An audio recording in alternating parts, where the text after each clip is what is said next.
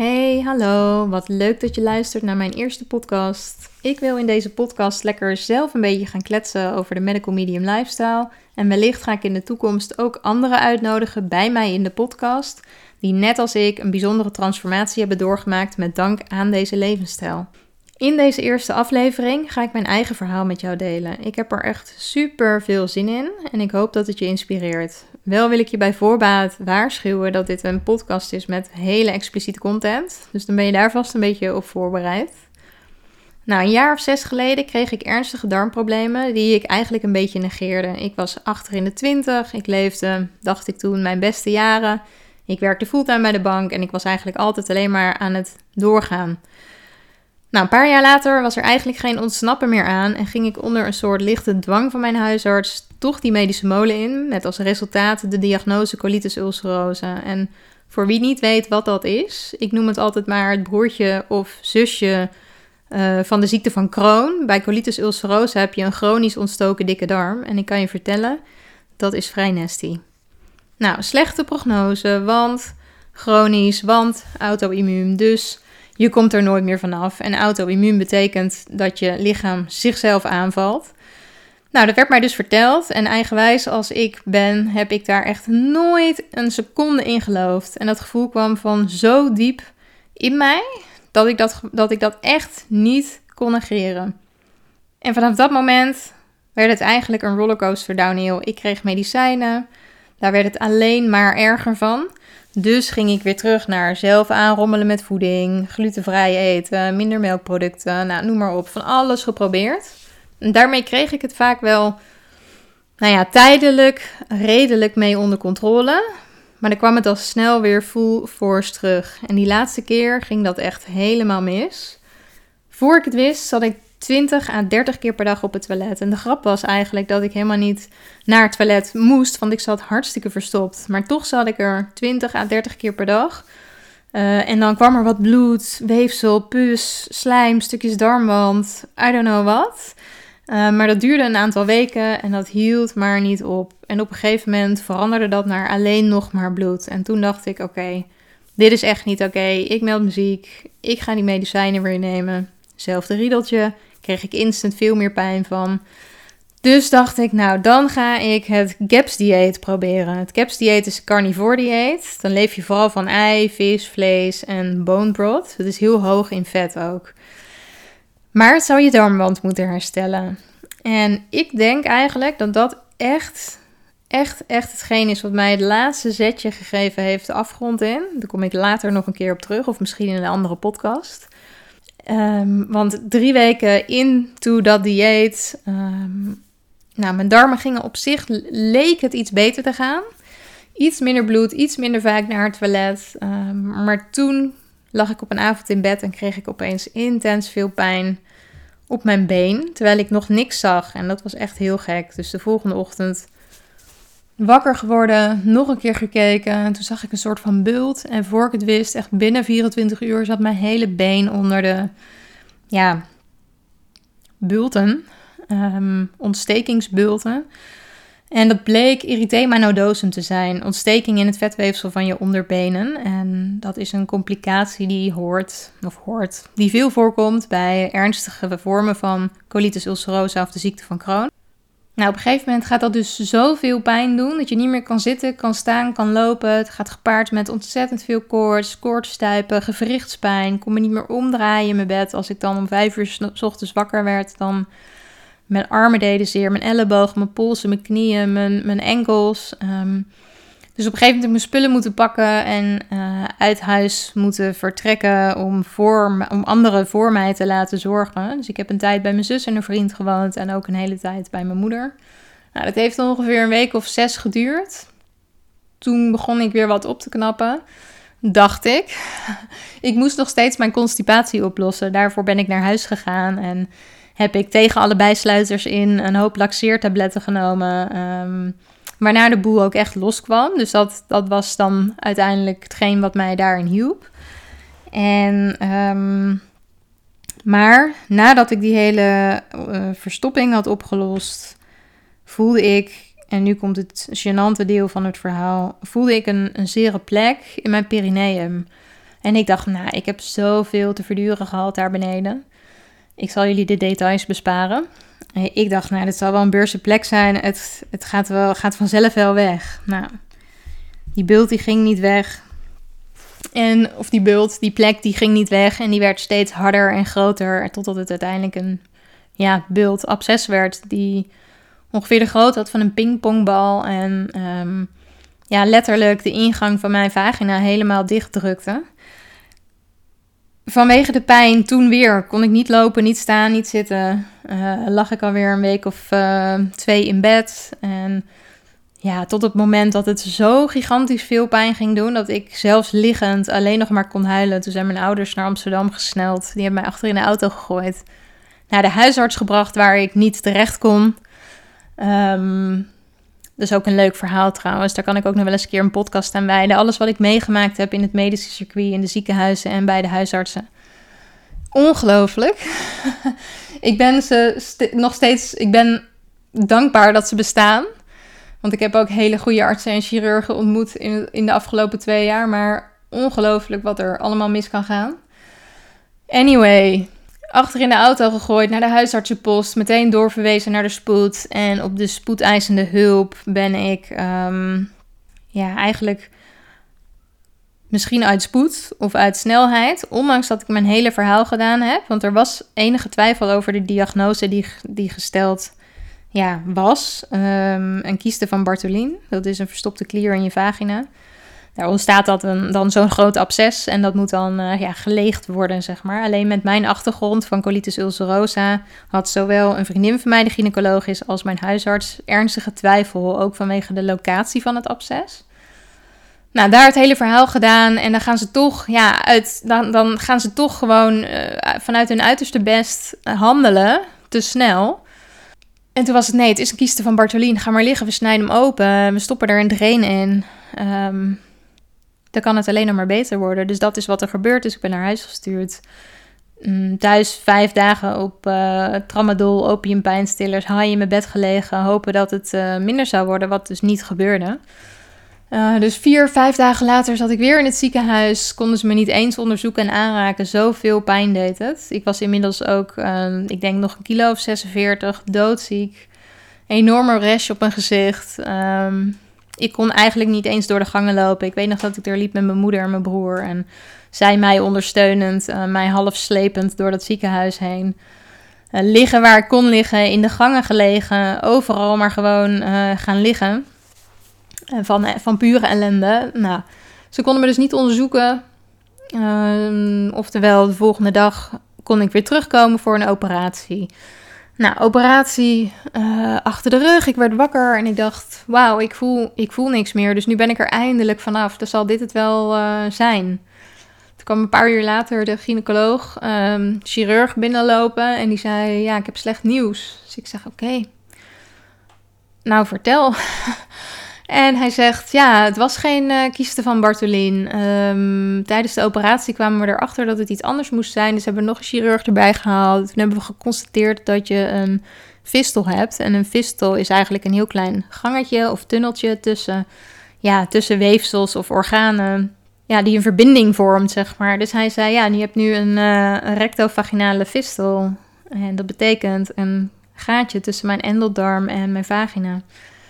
Nou, ik moest blijven voor een MRI, want het moest bevestigd worden. Nou, je snapt zelf wel, als je dat hebt, dan hoeft dat echt niet bevestigd te worden met een MRI. Ik voelde dat al lang natuurlijk, maar goed, ah, fijn. Onder de MRI, um, scan en daar kwam het resultaat. En de grap hiervan is, of nou ja, de grap en het vervelende hiervan is eigenlijk dat het dus ja, een misdiagnose is geweest. Als zij mij niet hadden opengesneden op de spoed. Um, zij dachten dat ze in een kieste van Bartolin sneden, maar zij hebben dus recht door mijn vaginawand heen gesneden. Um, waardoor dus eigenlijk die nou ja, connectie is ontstaan. Daarachter zat natuurlijk al wel een soort tunneltje, maar het was nog niet open. Dus het was geen connectie. En zij hadden dat eigenlijk vanuit het Pyreneeën moeten oplossen. Is niet gebeurd. Dus, um, nou ja, goed. Toen had ik opeens een rectovaginale fistel. Nou, die prognose is al helemaal dramatisch. Dus dat was echt super intense week. Um, heel verdrietig en met een slechte ja, prognose. Ik had ongeveer 50% kans dat dit ooit nog goed zou komen. Ik ben meteen naar een ander ziekenhuis gegaan, wel ook in Amsterdam, waar ze uh, opnieuw naar mij gekeken hebben. Inderdaad geconstateerd, uh, dit had zo niet gemoeten. Uh, meteen boven in een bed gelegd en ja, opge opgelijnd voor de volgende operatie. Volgende operatie gehad, daar hebben ze toen uiteindelijk het um, alsnog op de, nou ja, hoe het op de initiële manier opgelost had moeten worden. Dus toen hebben ze een gaatje in mijn perineum geboord. En daar een soort ja, drainagepunt of uitweg gemaakt voor dat absces. Um, daar ging een siliconen draad doorheen, zodat het open zou blijven. Ik ging naar huis met zes weken aan antibiotica. Zodat ze, nou ja, eigenlijk hoopten ze dat, dat, dat, die snee in mijn vagina vanzelf dicht zou gaan. Nou, dat gebeurde niet. Ondertussen um, mijn zus is chiropractor en die had een vrouw bij haar in de praktijk en die zei: Weet je wat je moet doen? Mijn man is arts, die werkt met Medical Medium. Koop die boeken, ga ze lezen en begin eraan. Want hij boekt zulke bijzondere resultaten in zijn praktijk met deze informatie. Echt, ga doen nou, op dat moment was ik thuis, maar liep er vanuit het ziekenhuis uh, vanwege de diagnose die ik had. Hè, eerst colitis ulcerosa. Vanwege de complicaties die ik allemaal gehad had, was het opeens veranderd naar diagnose ziekte van Crohn. Ik weet niet wat het is. Het maakt me ook niet meer uit wat het was. Um, ik heb nooit meer een colonoscopie gehad, omdat ik die geweigerd heb. Dus ze hebben ook niet echt kunnen zien wat het nou was. En ja, dus echt puur gebaseerd op de complicaties die ik had, kwam er een nieuwe diagnose. Nou, aan die nieuwe diagnose kleefde ook een behandelplan vast. En dat behandelplan bleek een levenslang behandelplan te zijn. Um, zij wilde mij op infliximab hebben, dat is een immunosuppressant. Dus die onderdrukt eigenlijk je immuunsysteem. En dat moest dan de rest van mijn leven elke acht weken naar het ziekenhuis om twee à drie uur aan een infuus te hangen. Um, waarbij je ook nog onder supervisie staat, omdat bij de eerste dosis of bij de duizendste dosis um, je een, een, zware allergische reactie kan krijgen op het spul, omdat het eigenlijk standaard afgestoten wordt door je lijf. Dus je weet eigenlijk dat ergens in de toekomst, maar je weet niet wanneer, dat dat jouw lot is als jij dat krijgt elke acht weken. Nou, dat, dit, dit klonk voor mij echt als oké, mijn leven is voorbij, mijn vrije keuze is voorbij, mijn gezondheid is voorbij, mijn immuunsysteem is blijkbaar dan ook voorbij. Um, ja, dit, dit was voor mij echt een soort van heel op aarde, um, dit bericht. En ondertussen was ik al aan het lezen in de Medical Medium boeken en was ik al begonnen. Want voordat je aan dit soort medicijnen mag, moet je nog een hele medische molen door. Moeten allerlei checks gedaan worden. Uh, voor je gezondheid. Uh, of het allemaal wel kan, of het allemaal wel mag. Dus die dingen die liepen. En ondertussen was ik bezig met Medical Medium. En eigenlijk vanaf dag twee, denk ik, dat ik begon, dat ik begon met celery juice drinken, selderijsap. Gebeurde er iets in mijn lijf wat onverklaarbaar was. Ik voelde gewoon echt een 180 graden shift. En het was natuurlijk niet alleen selderijsap. Het was eigenlijk het volledige protocol. Ik heb meteen alles diehard geïmplementeerd. Niet rustig opgebouwd, niet gewacht. Ik ben meteen volle bakker voor gegaan. Geen idee met welk resultaat of geen idee welk resultaat me dat zou leveren of brengen. Dus ik begon ochtends met een halve liter citroensap, daarna een halve liter selderijsap, daarna de heavy metal detox smoothie. En vervolgens at ik gewoon zoveel mogelijk vetvrij. Ik had alle no-foods uh, uit het dieet gehaald, of uit mijn voedingspatroon gehaald. En Um, ik begon en nou ja, in die eerste week, ik stond helemaal perplex, want mijn hele nou ja, stoelgang kwam weer op gang. En hoe? Ik zat denk ik de eerste vier dagen negen keer op het toilet, negen keer per dag. Geen diarree, nee, gewoon normaal naar de wc. Echt een massive clean-up um, van binnen eigenlijk. En ik voelde me steeds beter en het ging heel erg goed. En ik heb het dus een paar weken volgehouden. En toen heb ik een ontlastingssample opgestuurd naar het ziekenhuis. Mijn colonoscopie stond toen al wel gepland, alleen corona. Dus het ging niet door. Um, dus ik had dat, dat nou ja, potje poep opgestuurd. En daaruit konden ze uh, de calprotectine waardes meten. De, ja, wat is het? De ontstekingswaarde. En die bleek na vijf weken op het medical medium dieet al nou ja, teruggegaan te zijn of afgenomen te zijn naar, ik geloof, een waarde van 46. Terwijl ik zeker wel een waarde van 2000 of hoger heb gehad. Vijf weken tijd. Hoe bizar is dat? Of hoe bizar, hoe bijzonder is dat? Dus naar aanleiding daarvan, op een gegeven moment, ik wilde die behandeling niet. Hè? Dat was voor mij heel duidelijk. Dus ik heb die continu geweigerd. En ik heb denk ik een keer of acht moeten weigeren in het ziekenhuis. Ehm, en daar deden ze ook nog een mooi staaltje powerplay. Want op een gegeven moment zat ik daar in mijn eentje. En ik zei, ja, ik wil dit niet. Ik ga dit niet doen. Ja, je hebt geen keuze, je hebt geen keuze. Je moet, je moet, je moet. Hier kom je nooit meer vanaf. Dit gaat nooit meer over. Je lichaam valt zichzelf aan. We halen er nu een professor bij. Ik had maar een oude grijze man in een witte jas uh, bij ja, je moet, je moet, je moet. En ik heb alleen maar gezegd, nou, ik moet helemaal niks, jongens. Ik ga nu naar huis. En ik ga er eerst nog eens even lekker over nadenken.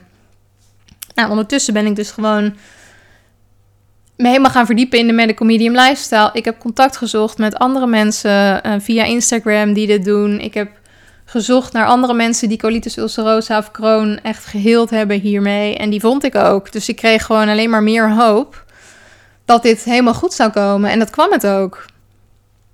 Dus ik heb uiteindelijk nooit een behandeling gehad. Ik ben nu 14, 15 maanden verder. Ik ja, voel me beter dan ooit. Mijn darmontsteking was na vijf weken weg. Die is nooit meer teruggekomen. Ik heb geen colitis ulcerosa meer. Ik heb geen kroon meer. Ik heb ook geen acne meer. Ik heb geen haaruitval meer. Mijn haar groeit terug met bossen. Dat is echt heel mooi. Dat kun je ook zien op mijn Instagram-account.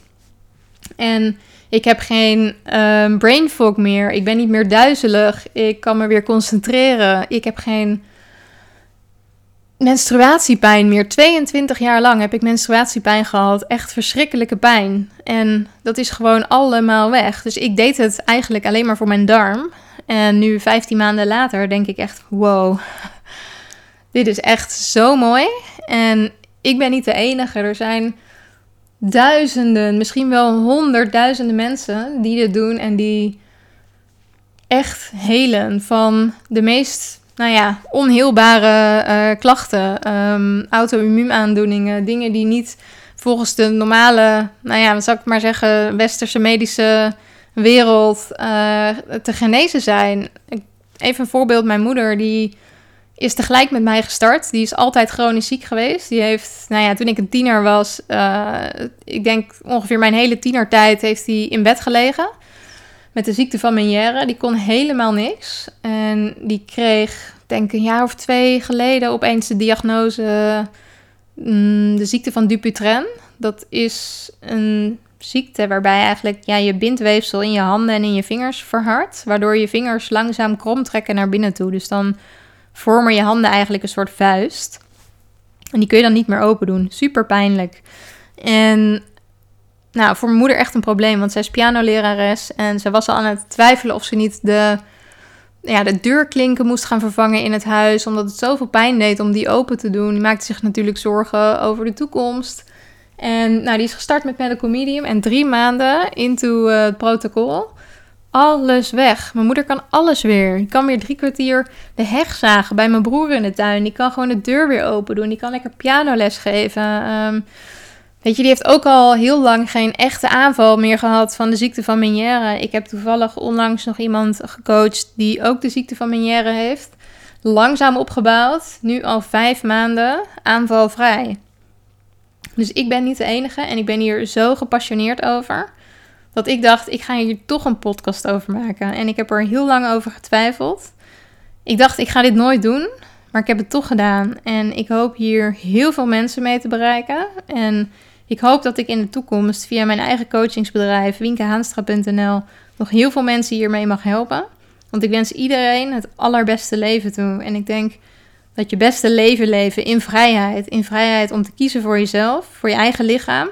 Wat je daarmee doet, wat je daarmee wil vanuit intuïtie, dus vanuit je buikgevoel, keuzes kunnen maken en durven maken. Dat gun ik iedereen. En ja, ik voel me zo empowered. En ik weet dat ieder ander zich ook zo kan voelen. En het is zoveel waard. Dus ik hoop dat ik hier nog veel mooie verhalen mag delen. Van en over mezelf of van en over anderen. Dus super bedankt voor het luisteren. Als je hulp nodig hebt of als je vragen hebt over de Medical Medium Lifestyle, neem dan contact met me op via de website of mijn Instagram-account wienkehaanstra.nl. Nou, dan wens ik je nog een hele fijne dag.